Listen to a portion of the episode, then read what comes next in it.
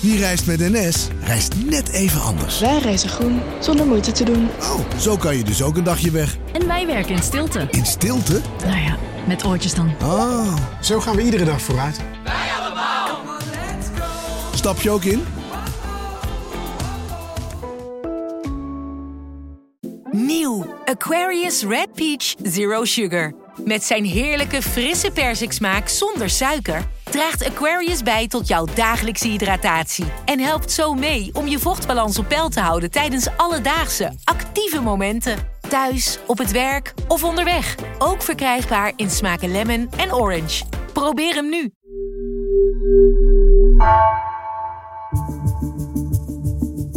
Vanaf de redactie van NRC het verhaal van vandaag. Mijn naam is Gabriella Ader.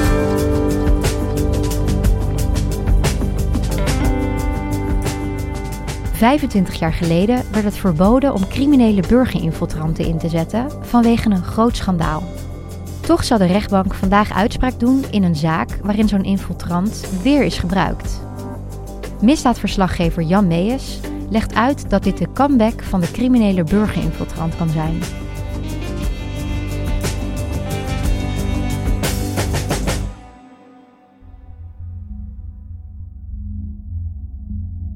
...2 maart 2020. Klapdag voor de politie. In het noorden van het land. Er rijdt een auto vanuit Leeuwarden in de richting van Scandinavië. Finland om precies te zijn. Uh, maar voordat die auto de grens passeert, wordt de bestuurder aangehouden. In zijn bezit ruim 80 kilo speed. Het is onderdeel van een onderzoek wat we nu kennen als de zaak Vidar. Die klapdag, die 2 maart in 2020, zijn er ruim 170 agenten en andere medewerkers van opsporingsdiensten actief in Nederland en daarbuiten met de uitkomst van dit grote onderzoek dat in 2018 is gestart. In Friesland is een drugsnetwerk opgerold dat volgens het Openbaar Ministerie lijnen had met Finland, Australië, Ierland en Groot-Brittannië. Leden van de motorclubs Hells Angels en de Red Devils zijn volgens het OM ook betrokken bij die handel in harddrugs. En waarom is die zaak zo bijzonder?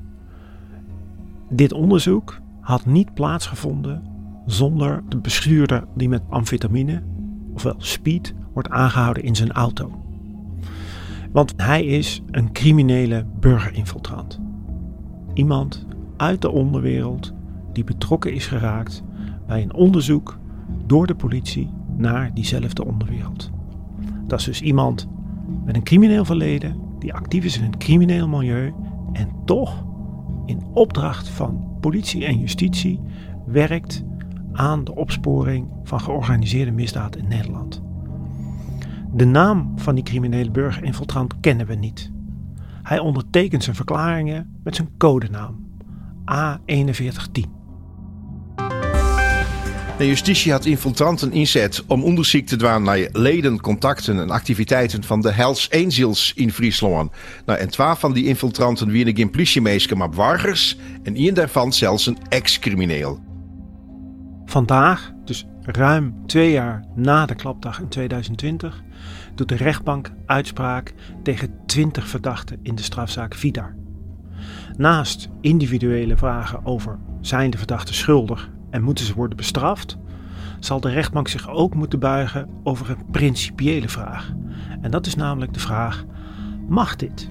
Mag de politie in Nederland met een criminele burgerinfiltrant onderzoek doen naar georganiseerde misdaad? Het antwoord lijkt simpel: ja, dat mag, maar dat is veel complexer dan je op het eerste oog zou denken. En dat heeft allemaal te maken met de geschiedenis van het opsporingsmiddel criminele burgerinfiltrant.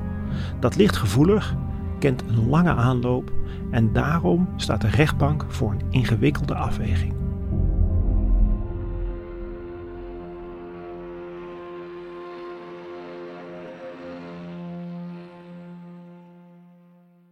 Wat je net vertelde over het inzetten van zo'n criminele burgerinfiltrant, dat, dat klinkt toch best als een geslaagde actie. Waarom is het dan toch zo omstreden? Heb je even, zou ik haast zeggen, Gabriela. uh, uh, Toevallig wel. Ehm, dat is omstreden vanwege een affaire die zich heeft afgespeeld in het midden van de jaren 90. En die kennen we als de IRT-affaire. En het IRT, dat staat voor Interregionaal Rechercheteam. En dat waren eigenlijk zeg maar eh, teams waarin verschillende politieafdelingen samenwerkten. En die teams waren gezamenlijk verantwoordelijk voor de bestrijding van de georganiseerde misdaad in Nederland. En dat was toen zo omdat we toen nog geen nationale politie hadden.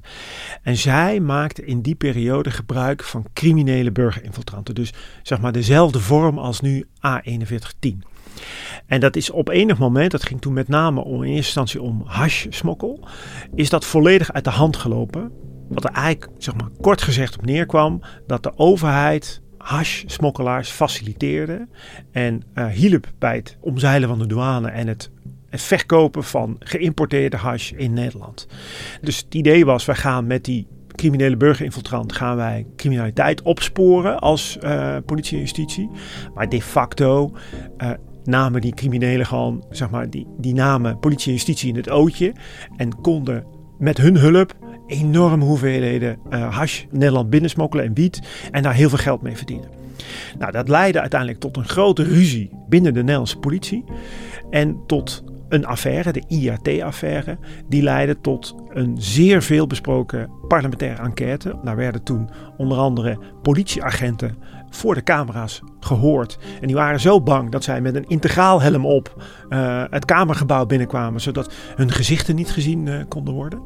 En uiteindelijk publiceert die commissie de enquête uh, naar de IRT.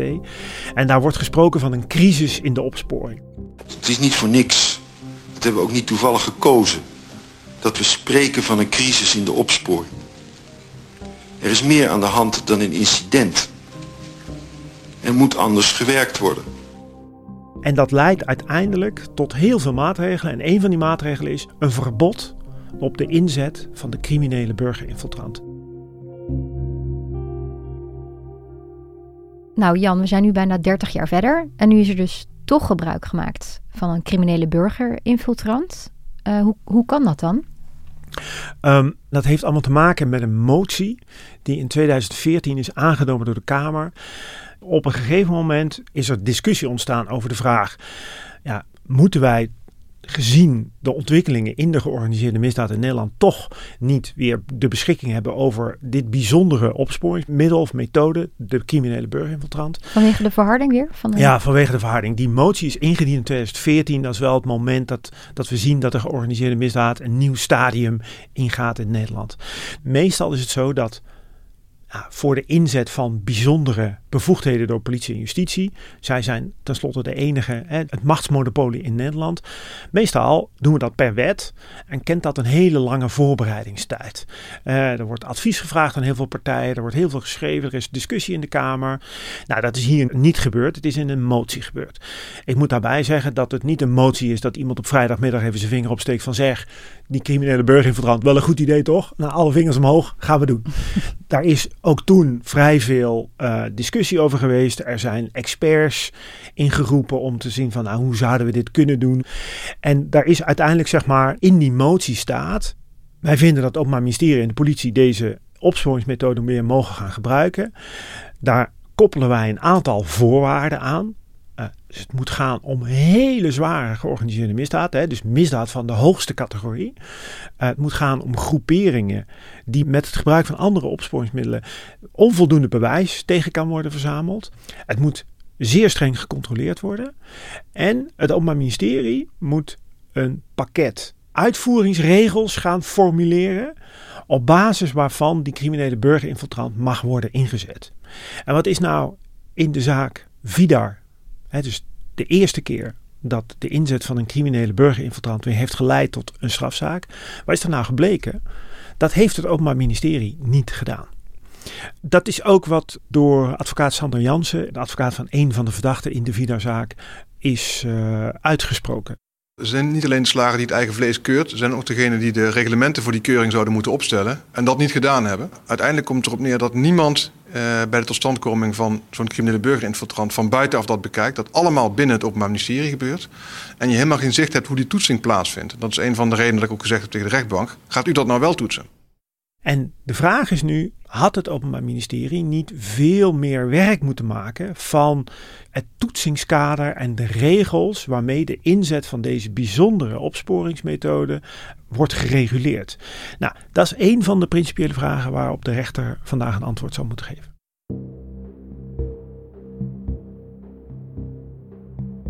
En uh, nog even terug naar A4110. Zou je iets kunnen vertellen over hoe dat drugstransport tot stand is gekomen? Nou, in principe is het zo dat de politie de infiltrant benadert. Dus in dit geval uh, hebben we het over de man uit Leeuwarden, die we dus kennen als A4110. En die is ergens in 2017 door de politie gevraagd: kun jij voor ons tegen betaling informatie gaan verzamelen in het Leeuwardense criminele milieu. Nou, dat is die man gaan doen. Nou, op een gegeven moment loopt hij dan tegen een oude bekende aan. En dat is ene Justin. En dat is iemand die voor politie in potentie interessant is, omdat hij lid is van de Red Devils. En de Red Devils, dat is een zustervereniging van de Hells Angels in Harlingen. En nou, Hells Angels, dat is een, een roemruchte club. Uh, en als die in beeld komen, dan rijzen bij politie en justitie altijd de nekharen op. En die Justin zou aan hem hebben gevraagd van... joh, zit je nog in de handel? Doe je nog wel eens wat? Nou, hij rapporteert dat terug aan de politie. En die zeggen van, hé, hey, dat is interessant. Jij moet verder met die Justin. Met het idee, die Justin die hangt via een paar losse verbanden aan de Hells Angels. Misschien kunnen wij zo wel informatie gaan verzamelen over de Hells Angels. Dat, dat is de gedachte. Dus in de verantwoording uh, die er is, zeggen politie en justitie heel nadrukkelijk: wij weten de Hells Angels. Dat is een verboden motorclub die vaak betrokken is bij zwaar georganiseerde misdaad. En dat is zeg maar de, de rationale achter de inzet van de criminele burgerinfiltrant. Maar, en dat is toch best bijzonder vind ik. Op het moment dat A4110 zijn eerste contact met Justin, het is die via een zustervereniging aan de Hells Angels gekoppeld is, meldt, loopt er, voor zover we weten, geen onderzoek naar de Hells Angels in Harlingen. Er is ook nergens in dat dossier wordt er melding gemaakt van we hebben uh, allemaal informatie over de betrokkenheid van de Hells Angels bij uh, drugshandel. En we hebben afgeluisterd, we hebben geobserveerd, we hebben van alles nog wat gedaan. Maar het levert allemaal geen bewijsmateriaal op. Dus misschien moeten we nu eens kijken of we met zo'n criminele burgerinfiltrant aan de slag kunnen. Nee, het begint allemaal bij A4110. Dat is de start. Dus eigenlijk is Justin het eerste haakje van dit onderzoek. En op een gegeven moment ontstaat het idee, zij kunnen samen een deal rondom speed doen. Nou, wat er dan eigenlijk gebeurt is dat die informant, die is niet meer alleen informant, die gaat eigenlijk ook een zaak opzetten. Nou, dan wordt de status van A4110 door de politie aangepast. Hij wordt namelijk in plaats van alleen informant, mag hij ook zogeheten pseudokoop gaan doen. Dat is eigenlijk dat jij als criminele burger, in dit geval namens de politie, toestemming hebt om drugs van iemand anders te kopen. Met het idee dat je daarmee eigenlijk de verkoper van de drugs in de val lokt.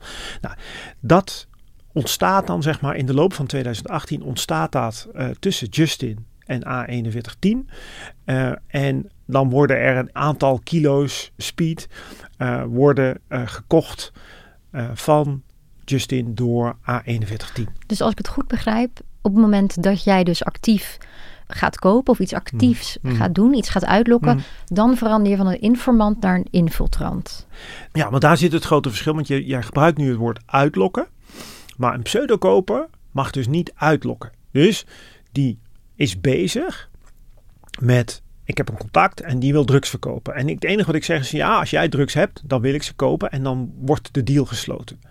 Op het moment dat jij als koper, dus als A4110 in deze, als jij zegt van hey, heb jij meer spullen voor mij? Dan ben je aan het uitlokken. En dat mag volgens de wet in Nederland niet.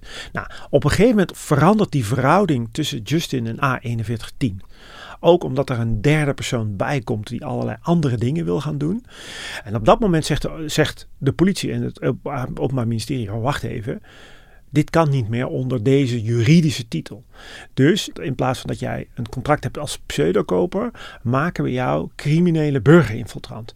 Want dan mag je namelijk in plaats van alleen maar passief iets kopen van een crimineel, mag je ook actief meedenken en meewerken aan het opzetten van drugstransacties. Dus een criminele informant is meer passief. Een infiltrant, die doet echt actief mee. Die doet actief mee. En, en wat wel belangrijk is om te melden hier, is dat die infiltrant, die doet dat dus onder regie van politie en justitie. Dus telkens als hij iets gaat doen wat volgens de wet formeel niet mag, dan moet hij dat melden bij de politie.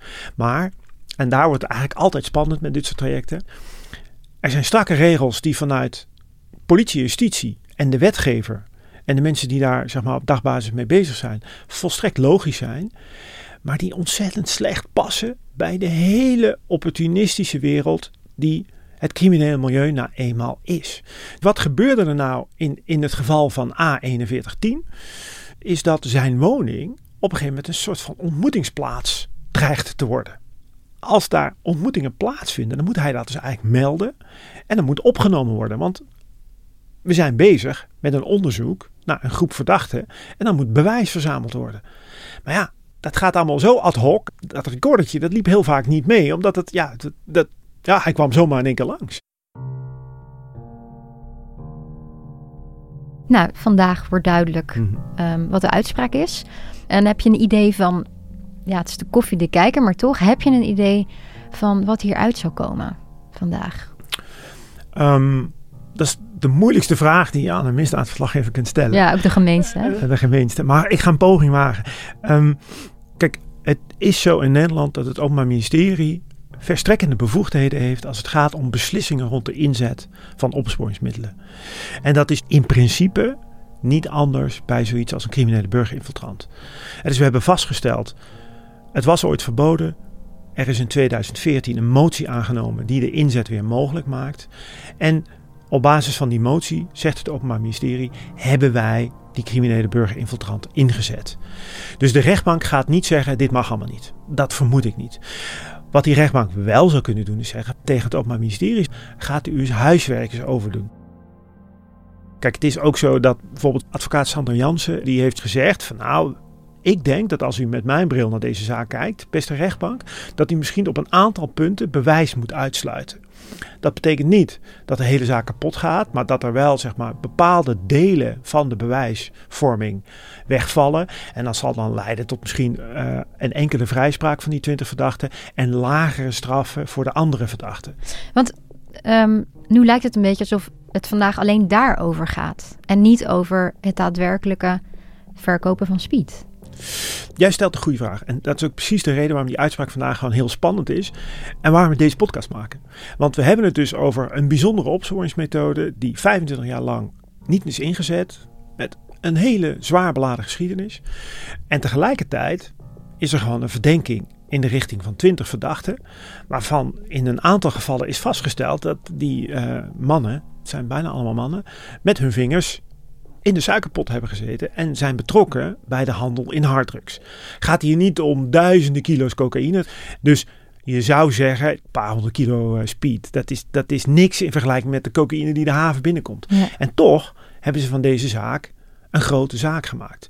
En dat heeft ertoe ook geleid dat uh, naast Jans een aantal andere advocaten in de rechtszaak hebben gepleit. Die zeggen, ja, eigenlijk is dit een proefproces. Ja. Is eigenlijk een poging van het Openbaar Ministerie om te zien of we deze opsporingsmethode op deze manier weer mogen gebruiken. Des te meer dus eigenlijk de vraag, wat gaat die rechtbank doen? Stel dat die rechtbank zegt, van, nou, we vinden het eigenlijk allemaal prima. Uh, en we veroordelen uh, alle verdachten tot uh, celstraf.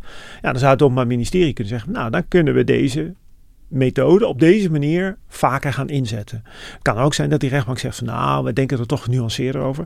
Ja, dat is koffiedik kijken, dat weet ik ook niet. Dat gaan we vandaag allemaal horen. Dus de uitspraak is eigenlijk ook veel interessanter voor andere zaken die hierna zullen komen met Zeker. soortgelijke Zeker. Ik denk dat, uh, ik denk dat uh, bij het uh, pakket-generaal in Den Haag, waar de top van het Openbaar Ministerie huist, er met meer dan gemiddelde belangstelling naar de rechtbank in Leeuwarden zal worden geluisterd vandaag. Ja. Tegelijkertijd moeten we ons realiseren, dit is de rechter. Principiële discussies komen vrijwel altijd bij een hof en meestal bij de Hoge Raad uit. Dus het kan ook zijn dat het Openbaar Ministerie het gewoon afwacht, in beroep gaat bij het hof en uiteindelijk naar de Hoge Raad gaat en van de Hoge Raad gaat vragen: gaan jullie ons maar instrueren hoe wij dit moeten doen. Dat zou ook kunnen. Dat is ook een potentiële uitkomst. En dan is dus de uitspraak van vandaag eigenlijk het eerste stapje Ja. in een drietrapsraket. Uh, en dan, ja goed, hebben we dit gesprek over twee of drie jaar nog een keer. Nou, ik ben benieuwd. Dankjewel Jan. Graag gedaan.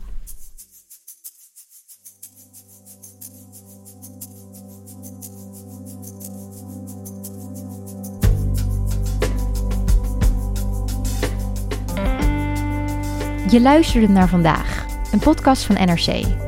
Eén verhaal elke dag. Deze aflevering werd gemaakt door Julia Vier en Astrid Cornelissen. Dit was vandaag. Morgen weer.